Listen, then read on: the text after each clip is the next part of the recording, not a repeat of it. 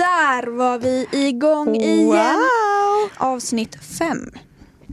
Kul. Shit, redan fem. Ja. Det går snabbt. Två idioter och en röd tråd med Mm, Hanna ja. och Rebecca. Välkomna. Välkomna, välkomna.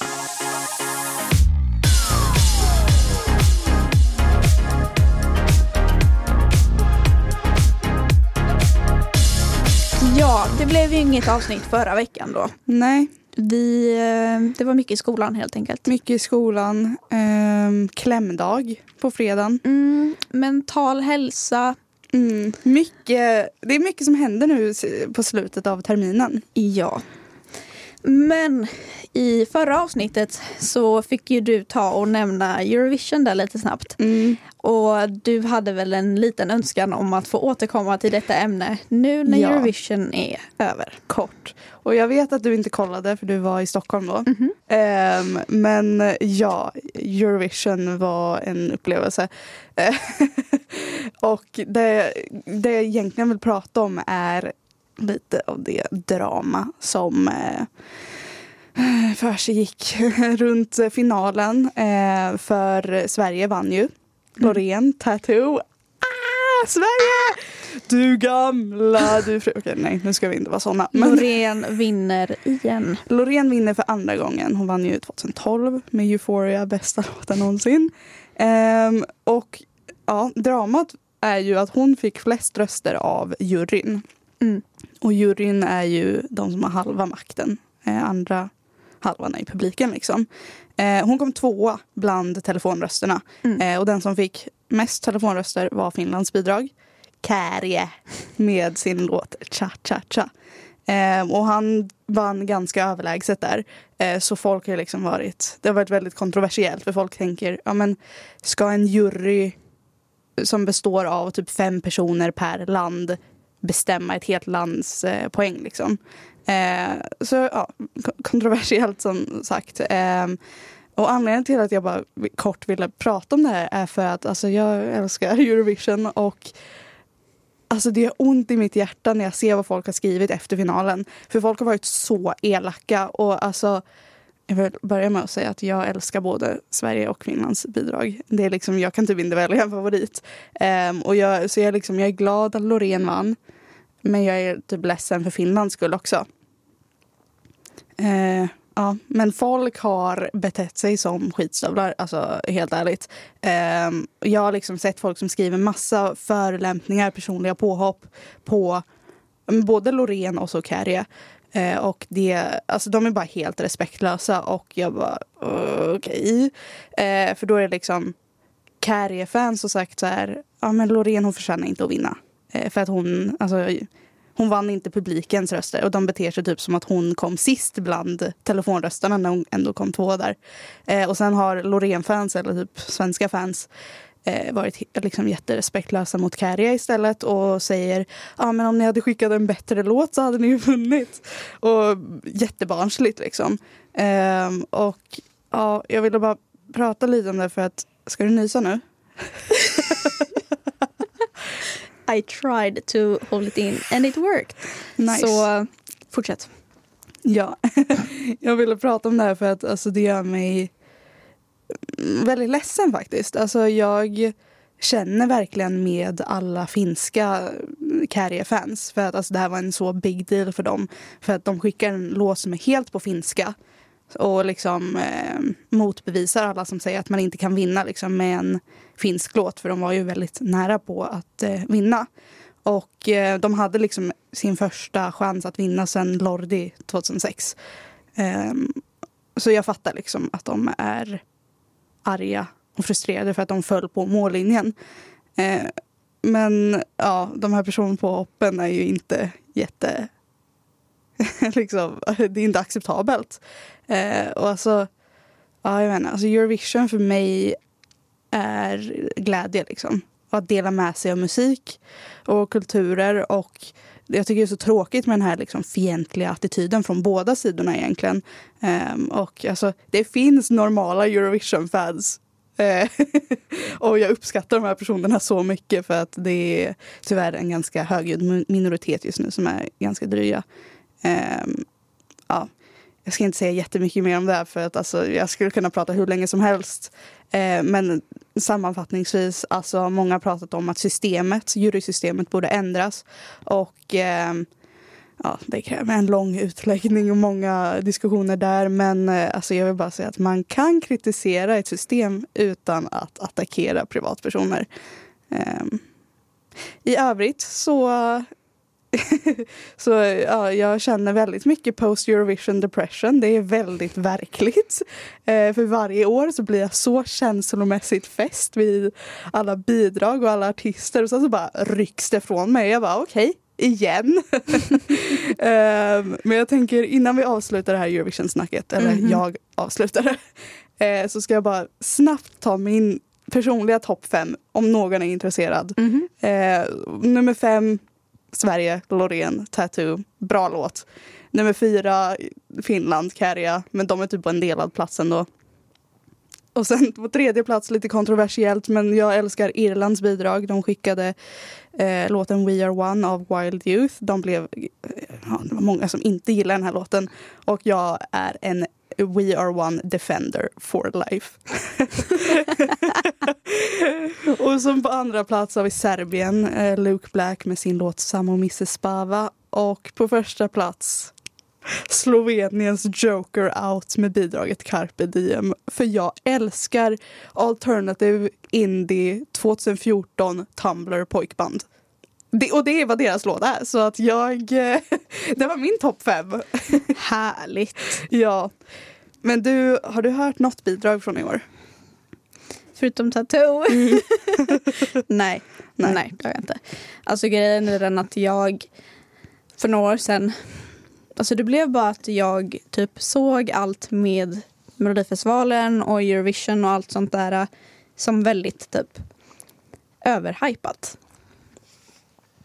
Mm. Och ja, jag bara slutade kolla typ. Mm. Um, ja. ja. Jag skulle inte säga att jag bojkottade det men det var liksom ändå lite att jag sa nej, det är lite överskattat typ. Mm.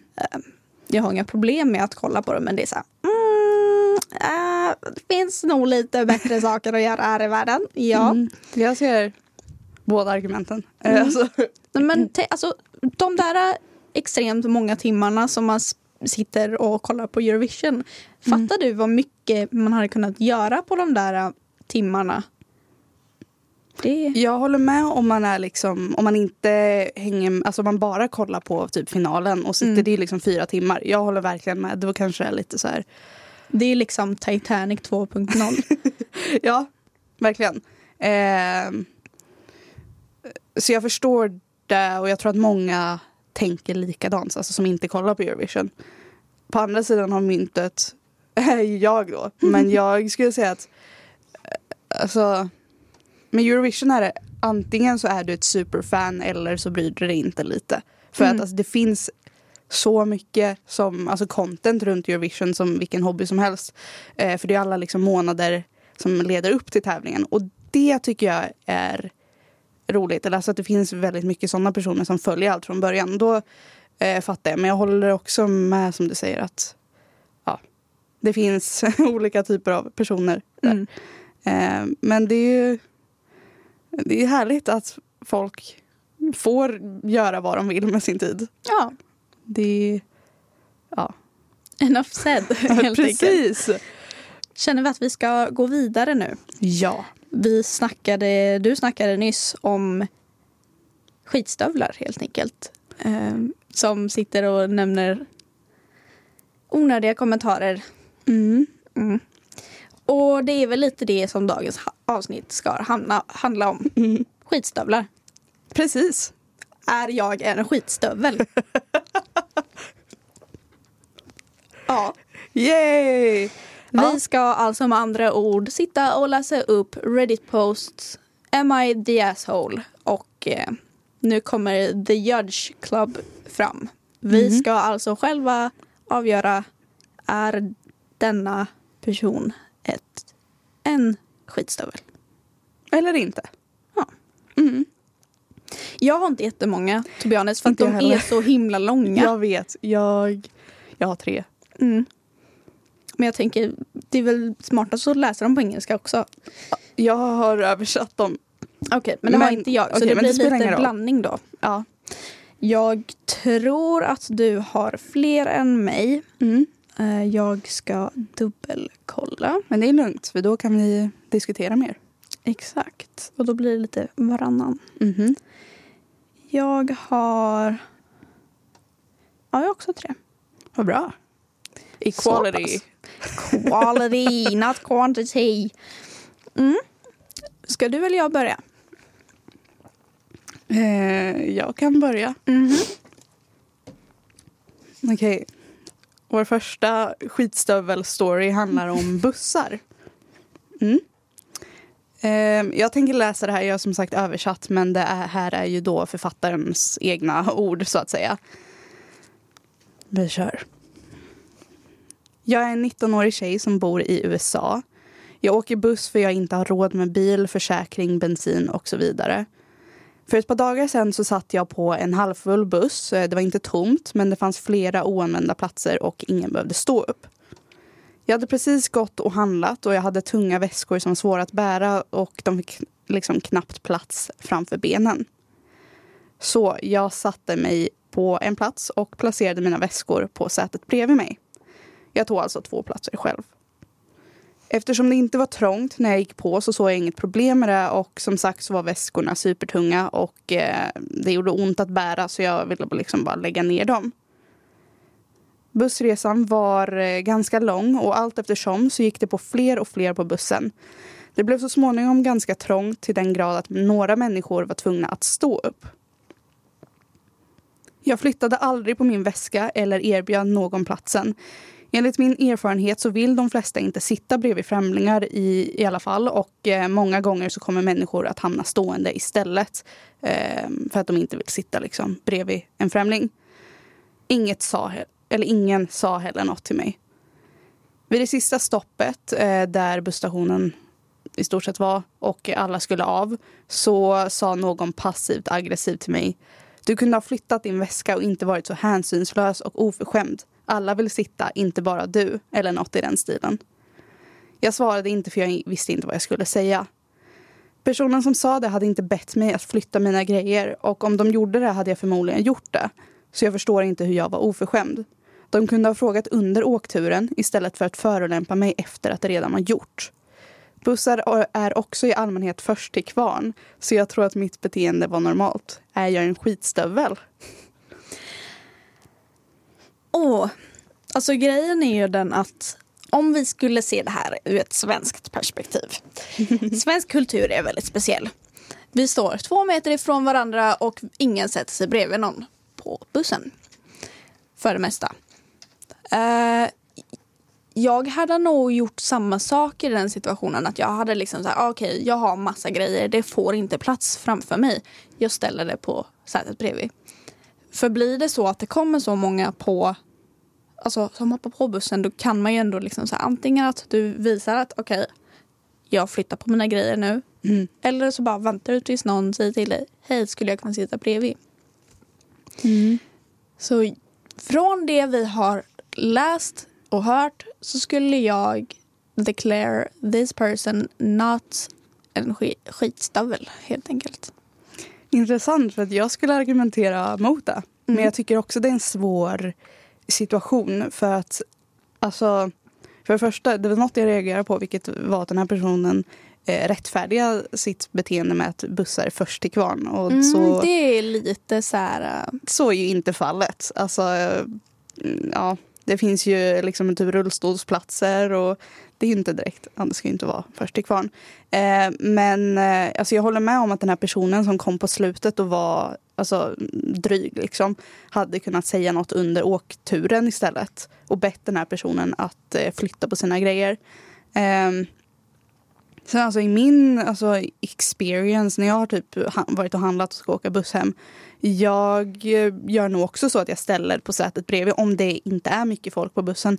Sen när jag ser att det kommer på liksom fler personer, alltså jag försöker alltid flytta mina grejer direkt för jag vet att om någon, alltså inte bara att jag vet att någon kanske kommer vilja sitta där men det här är väldigt svenskt men också jag vill ju inte vara jobbig för andra. Och det kände jag ju väldigt svensk. Så här, bara, men jag vill inte vara i vägen. Typ, så här. Mm. Ehm, att man ändå kanske går till sitt yttersta även om det är liksom obekvämt för man vill inte att en främling ska sätta sig bredvid en. Mm. Ehm, men jag gör i alla fall så att jag försöker flytta. Ehm, och sen beror det ju på hur mycket plats alltså, vi snackar om. För hon sa att det inte fanns plats vid benen och så.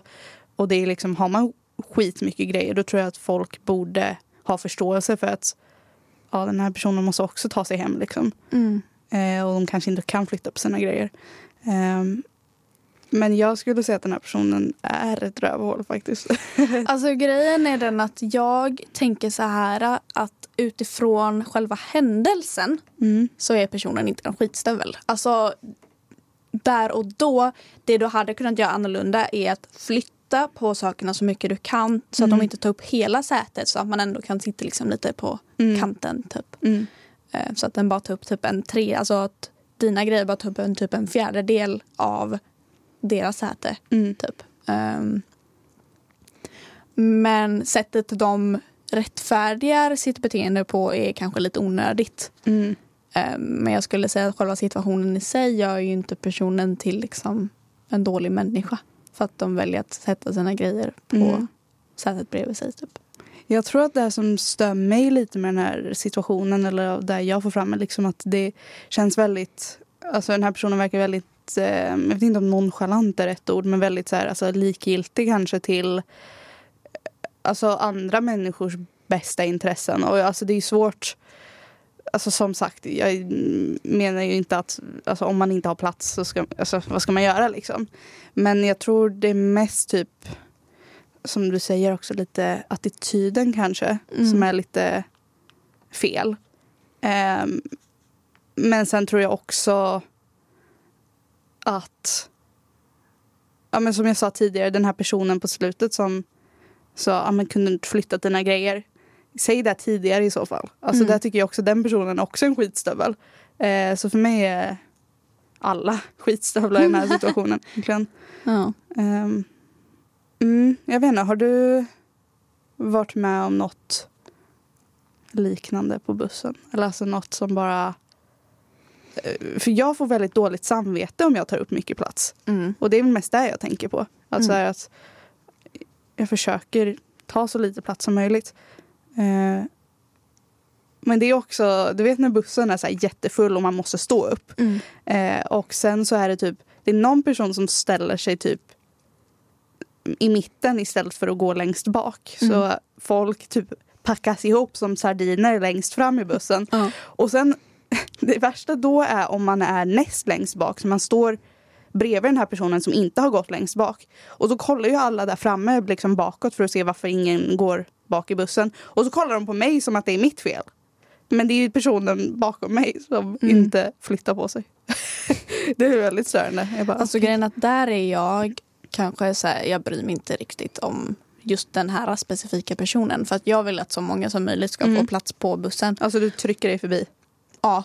Alltså jag hade nog nästan kunnat meja ner den här personen. Bara nu får du ta och flytta på dig typ. Det är mer modigt än vad jag hade gjort. Men jag har ju som sagt road rage har vi redan kommit fram till. Ja. Eh, och det gäller inte bara när jag sitter i framför liksom, ratten i bilen utan alltså genom i vägen i butiken så kommer jag försöka putta mig åt sidan typ. Inne på bussen också. Det blir typ Ja. intern kollektivtrafik. ja, Kollektivtrafik i kollektivtrafiken. kollektivtrafik gånger två. ja. Mm. Eh, ja, så vi har lite delade meningar där helt enkelt. Det, Vi lämnar det osagt. Ja. Vi, ingen vet om den här personen är en skitstövel men när du har förklarat så känner jag att det kanske är lite skitstövel-move. ja, men jag tänker också... mm, Jag argumenterar ju alltid att det är väldigt omständighetsbaserat. Mm. Och inget är liksom svart eller vitt. Mm. Så det är så jäkla svårt att säga ja, är den här personen en skitstövel eller inte? Men jag tror ändå vi har båda bra argument och jag håller också med om där du säger att alltså, det är ju inget fel egentligen. Mm. Alltså det, det är Det är svårt. ingen lag på att Nej, Alltså precis. det är mer typ hur etiskt är Hyfs. det? Ja, precis. Hyfs. Har du hyfs eller inte? Mm. Okej, Moving on. moving on den jag har har faktiskt Reddit själva, alltså högst upp på Reddit kan man ju se om folk har bestämt you're not the a-hole or, or you are the a-hole. Så Reddit tycker att den här personen is not the a-hole. Nu får vi se vad du tycker. Jag tycker det var en väldigt intressant historia så jag tänker att den får följa med. Och nu blir det ju då på engelska. Så varannan på engelska, varannan på svenska. Ja, vi går vidare. Am I the asshole if I don't return the dog I adopted? Background. I, 45 male, and my partner, 35 female, had been looking around uh, for a second dog for a few months. We wanted a small, um, under 20 pounds dog, female who could get along well with both cats and dogs. We, we found one about a month ago, and I adopted her from an adoption event held at a, lo- a local PetSmart about two weekends ago. So we've we've had her for about two and a half weeks. Prior to this, the dog was in foster care for one week and had lived with her previous owners uh, since she was a small puppy. The reason she, uh, the previous owners uh, gave her up was due to his girlfriend's sudden onset heart condition that placed her on the transplant list. One of the rules of uh, being on the list is that you can't have animals or be around anyone who does. Due to this, the dog's previous owner um, gave her the rescue that we found her at um, and adopted her from. Jag är inte jättebra på engelska. Vi fortsätter. Now, after just a couple of weeks, the previous owner's girlfriend unfortunately passed. Also, unfortunately, he had the rescue call me to ask for the dog back.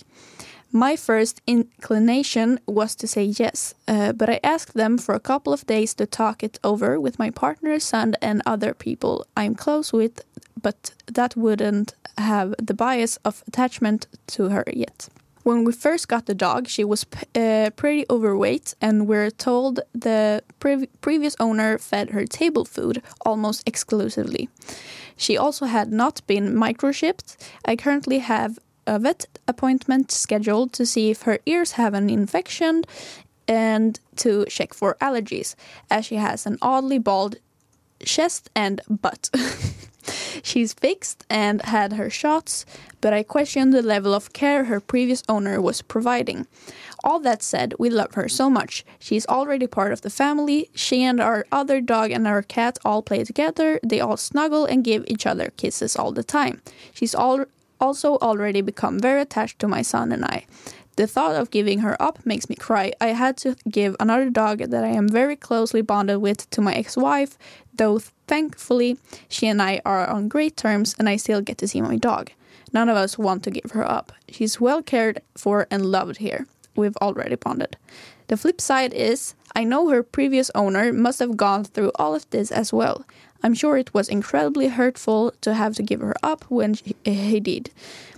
I can absolutely empathize with him and I feel just awful for him. So, will I be the asshole if I refuse to return the dog to her previous owner? Det där är den mest tydliga icke-skitstövel-berättelsen jag har hört. Mm. Ja, det var det första jag tänkte också när jag läste den. Det är verkligen klart och tydligt, you are not the a-hole. Mm. Alltså det första jag tänkte var, lämnar du bort ett djur Mm. kan du ju inte be om att få tillbaka det. Eller, Alltså, du Mm. har ju tagit det här beslutet att lämna in alltså, till eh, ja, det här rescue-grejen. Mm. Liksom. Även om du ändrar dig, det är gjort. Alltså, Mm. du... Nej, jag, jag ser faktiskt ingen som skulle kunna rättfärdiga att man... Alltså det är väl en grej om ja, men något sånt här akut händer. Du lämnar in ditt djur till ett rescue center. Ditt djur har fortfarande inte blivit adopterat när du inser att jag kan ta tillbaka mitt djur. Ja, då är det ju annorlunda. Men om det är någon som har skrivit på alla papper och den här hunden har eh, vant sig vid ett nytt hem eller Mm. börjat vänja sig, kommit till ett nytt hem helt enkelt. Det känns inte bara drygt mot eh, den här nya personen som har adopterat hunden men också hunden själv. Mm. Och det verkar ju som att den här, eller det låter som att hunden har inte fått världens bästa liksom, vård och Mm. så hemma innan. Eh, alltså den verkar ha varit dåligt behandlad om man tänker på det här med maten. Alltså Mm. Man ger ju inte vanlig bordsmat, alltså människomat till hundar. Så. Nej, inte liksom helt Nej, och hållet. Det är en precis. grej. Liksom, så bara, lite då och då. Typ. Nej precis. Och det här med alltså, att bara hälsan inte verkar vara så bra. Alltså det verkar som att hunden, om man, alltså, om man ska se det på ett liksom, utifrån perspektiv så, hunden har det mycket bättre hos det här nya, i det här nya hem, hemmet. Ehm, sen fattar jag också de som lämnar ifrån sig hunden. Att som sagt, det är ju alltså, jättejobbigt. Och att ta det beslutet. Ehm, men då tänker jag också, okej, om du om det är så jobbigt, typ, kan du inte lämna det hos typ, någon familjemedlem ett tag? Mm. Och sen, alltså, det känns också som en så här konstig grej att ta ett så slutgiltigt beslut att läm- faktiskt lämna ifrån hunden till ett rescue center liksom, som är liksom, ja, jag lämnar ifrån mig vårdnaden liksom. Och sen ångra sig. Mm. Liksom oavsett omständigheterna. Liksom, ja, hans flickvän hade liksom dött och då vill ha tillbaka hunden. Alltså jag fattar den känslomässiga grejen att jag vill ha min hund tillbaka. Liksom.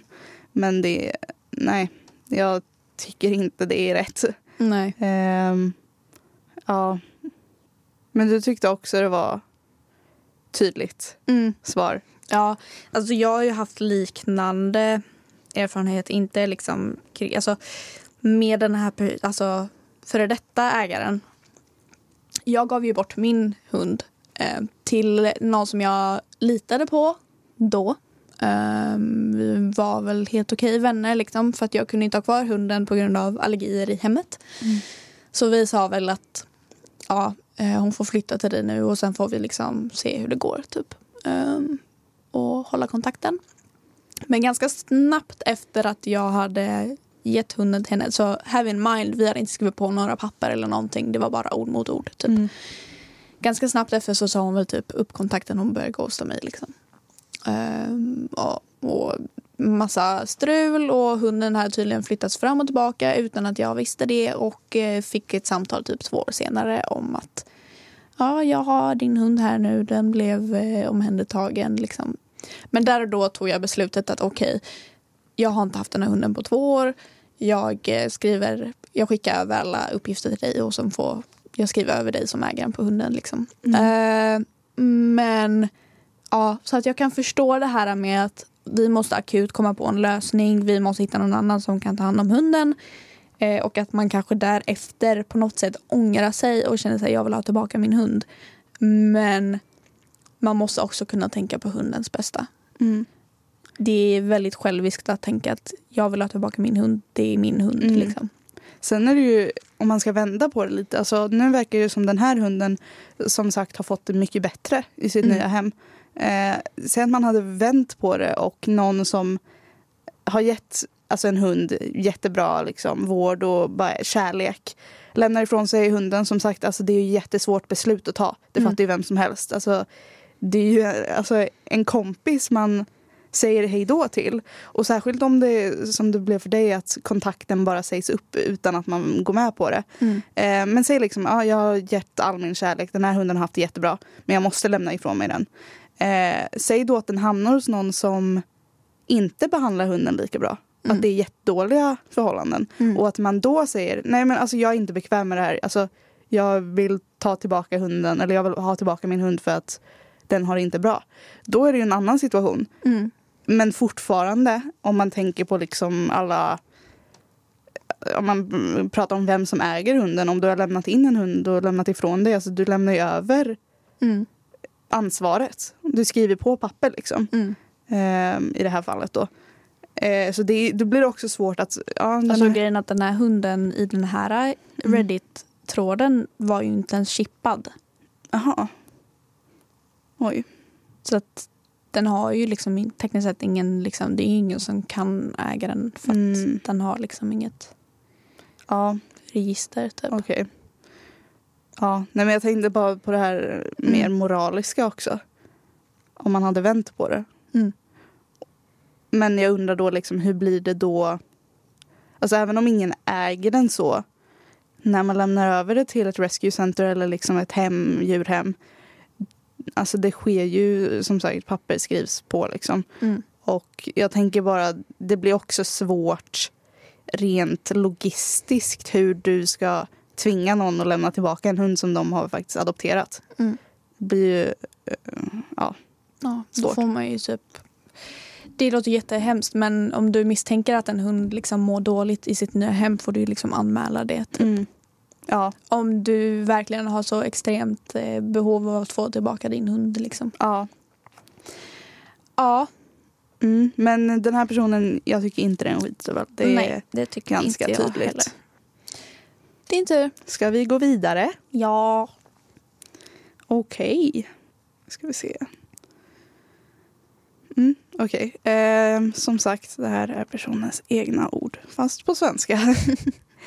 eh, min 24-åriga flickvän hade bröstcancer och opererade bort brösten för fem år sedan. Tack och lov så blev hon helt återställd. Eh, men till skillnad från många andra kvinnor så genomgick hon ingen operation efter för att rekonstruera brösten. Eh, allt det här hände innan jag träffade henne. Jag älskar anime och förra helgen bjöd jag med henne på ett anime-con eh, med mig då. Hon har sett några avsnitt av mina favoritserier men hon är inte intresserad av anime.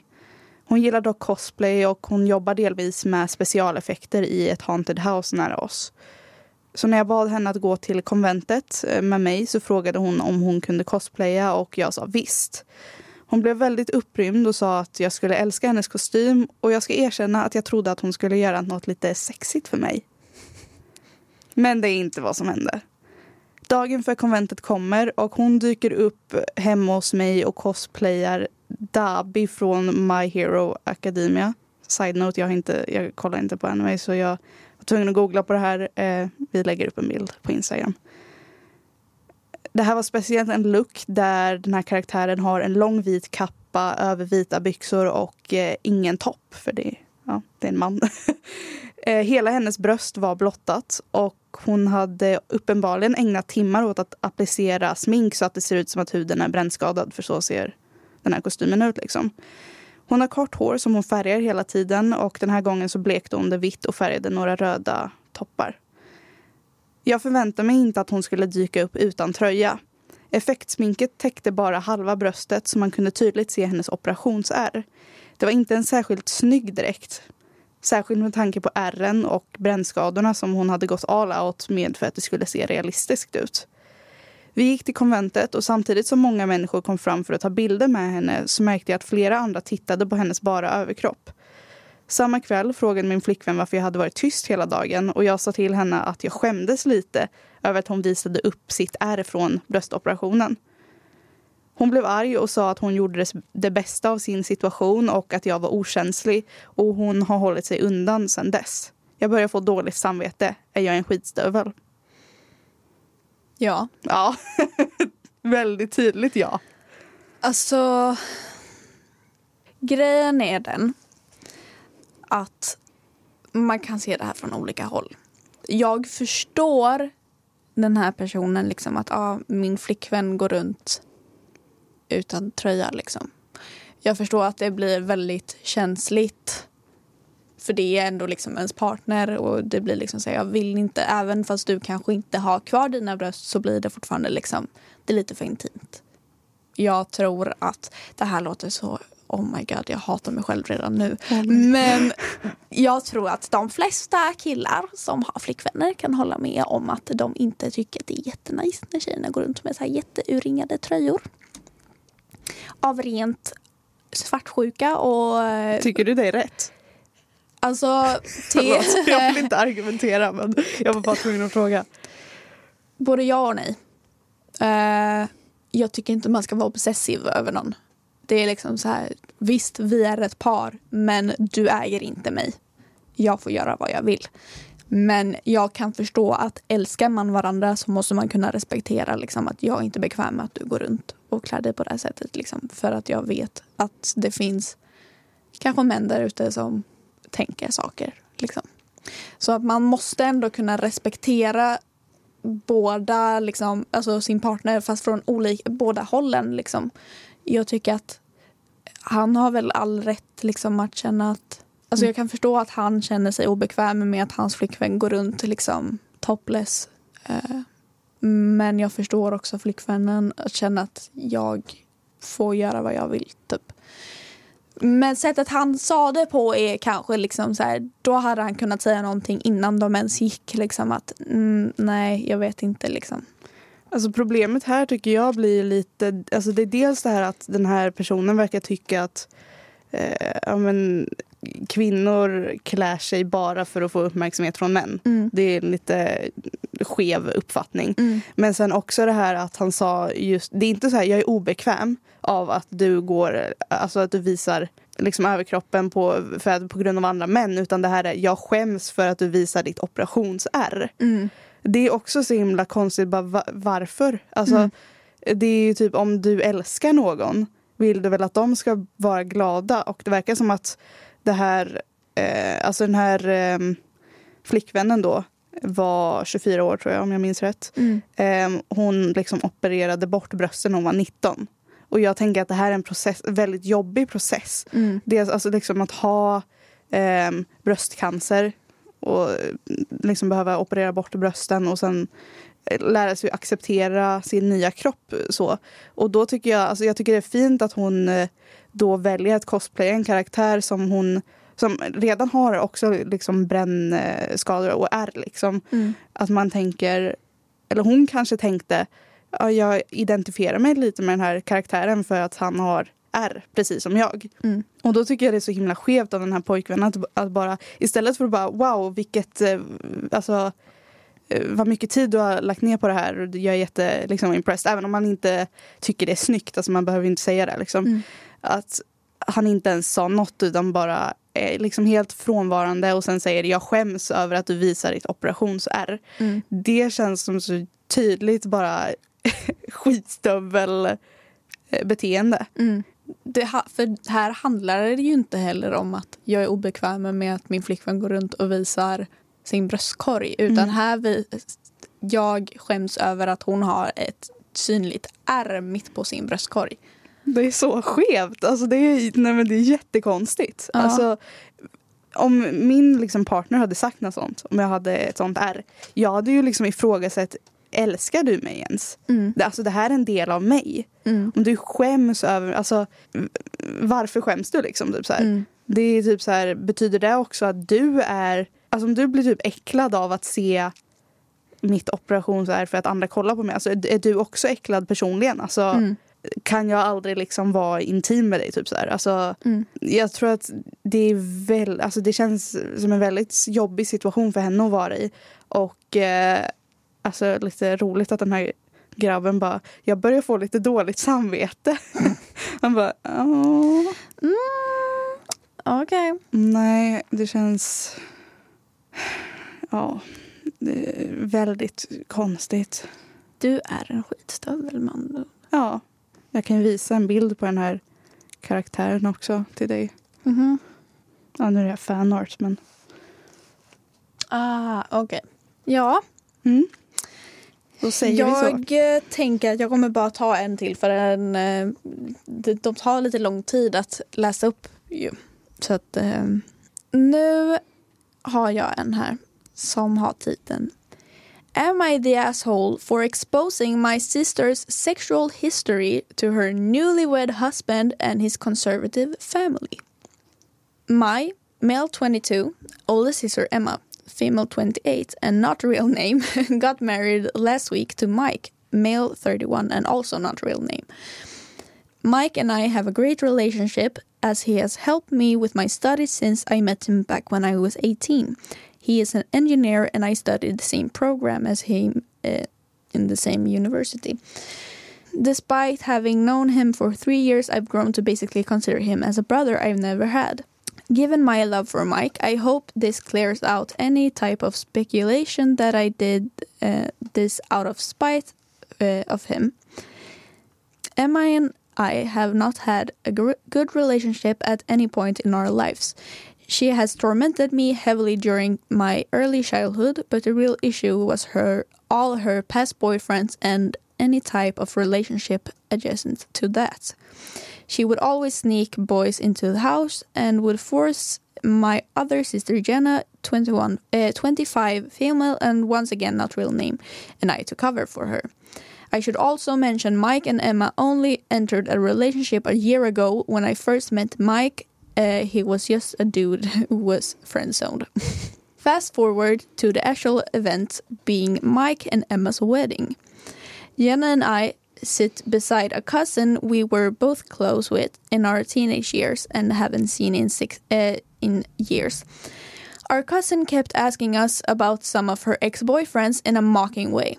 This sparked up a huge conversation full of stories Jenna and I had on Emma's many hookups.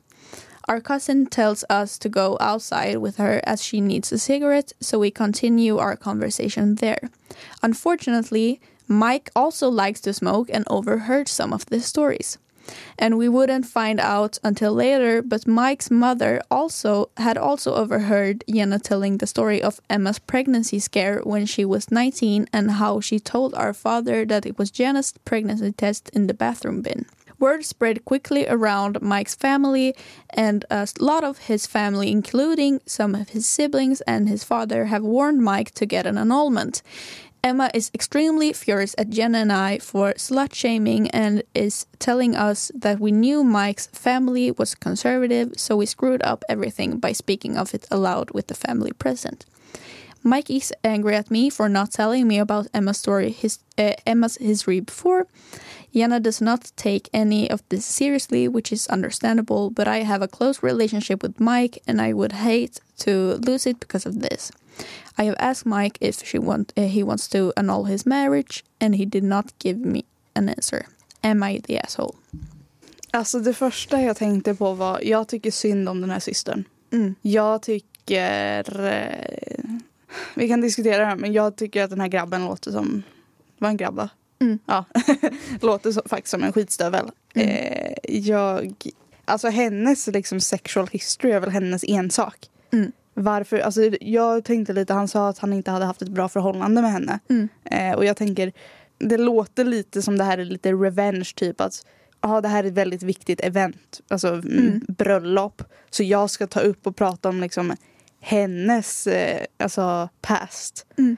Det känns dels som fel event att prata om det och sen är det inte deras sak att prata om. Liksom. Det Mm. hade varit en sak om det... Alltså, alla liksom skvallrar ju och pratar om sådana saker. Alltså, det går ju inte att liksom, förneka så. Mm. Men att göra det på just hennes bröllop när Alltså det är jättemycket folk där kan jag tänka mig. Liksom, Mm. Och folk från... Men alltså, det, alltså jag tycker bara det är fel ställe att prata om dem och inte Mm. rätt. Jag tycker det är respektlöst mot eh, Emma då. Mm. Ja, alltså att det här de bara, ja men vi pratade egentligen bara med vår kusin om det. Liksom. Det blir liksom så här, okej, men vad har din kusin med din systers alltså, bakgrund att göra? Det är Mm. liksom hennes ensak. Och det ska inte spela någon roll hur många ex-boyfriends hon har. Huvudsaken är att hon nu har gift sig med någon annan. Mm. Sen kan man ifrågasätta varför de gifte sig efter bara ett år tillsammans. Men eh, det är liksom inte, that's not the case. Mm. Och sen tänker jag också om det här är ett... Alltså det verkar lite som den här grabben tänker Ja men jag vill inte... Alltså, det, eller alltså kusinen också. Det känns verkligen som de sa att det känns som de slutshamear henne. Mm. Och jag funderar lite på varför de gör det liksom. Mm. Som sagt, det känns lite som revenge men också typ så här...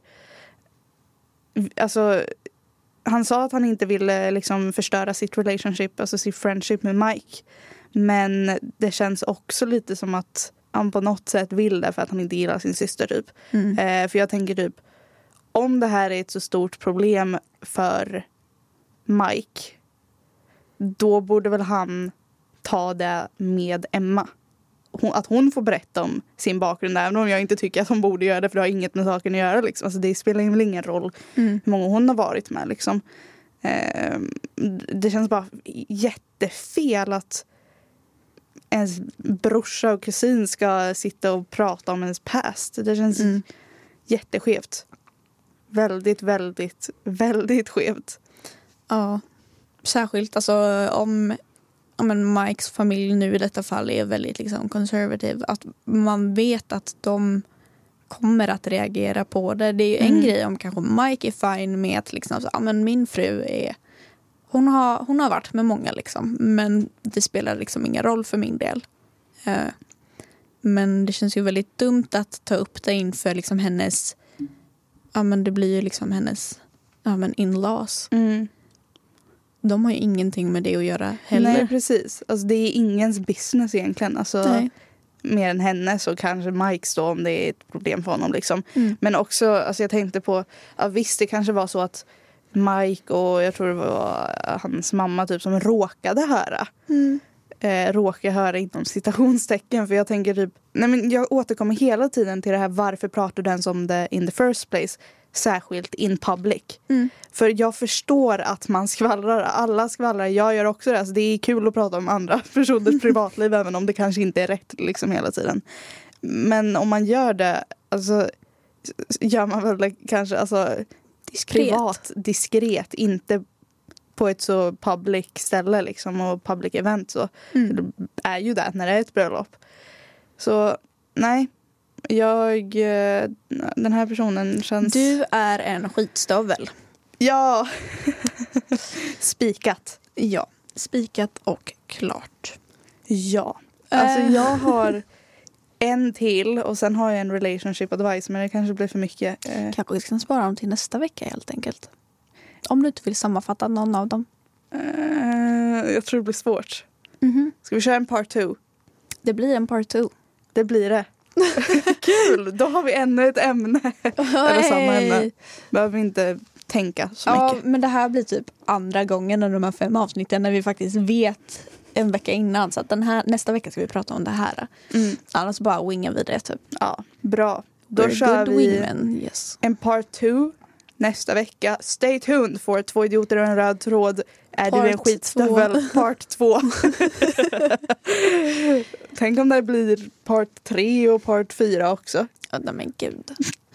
Byter helt så här riktning på det här. Branding är liksom, är jag en skitstövel? Ja. Ja. Två idioter och en skitstövel. Mm. Men eh, återkoppla gärna till oss eh, vad ni tycker om de här berättelserna. Mm. Vi brukar säga det att ja, ni får gärna kommentera men jag har inte sett en enda kommentar förutom det är vi som kommenterar våra egna Instagram-inlägg. Ja, alltså kom igen Hallå! guys, lyssnare. Kära Lyssnare! lyssnare. Snälla kommentera. Snälla ge oss feedback. Bara pratar in i, jag höll på att säga atmosfären, nej. Pratar in i tomheten känns det som ibland. Ja, in i en vägg. Ja, det är en vägg här. Vad fin den är. Jättefin. Följ oss Ja. på Instagram. Följ Två idioter, Förlåt, nu pratar jag över dig. Säg om det där. två idioter och en röd tråd utan svenska bokstäver. Två idioter och en röd tråd utan svenska bokstäver på Instagram. Wow! Där lägger vi upp all, allt möjligt skoj. Ja. Ja, och stay tuned for next week's episode. Hej då! Hej då!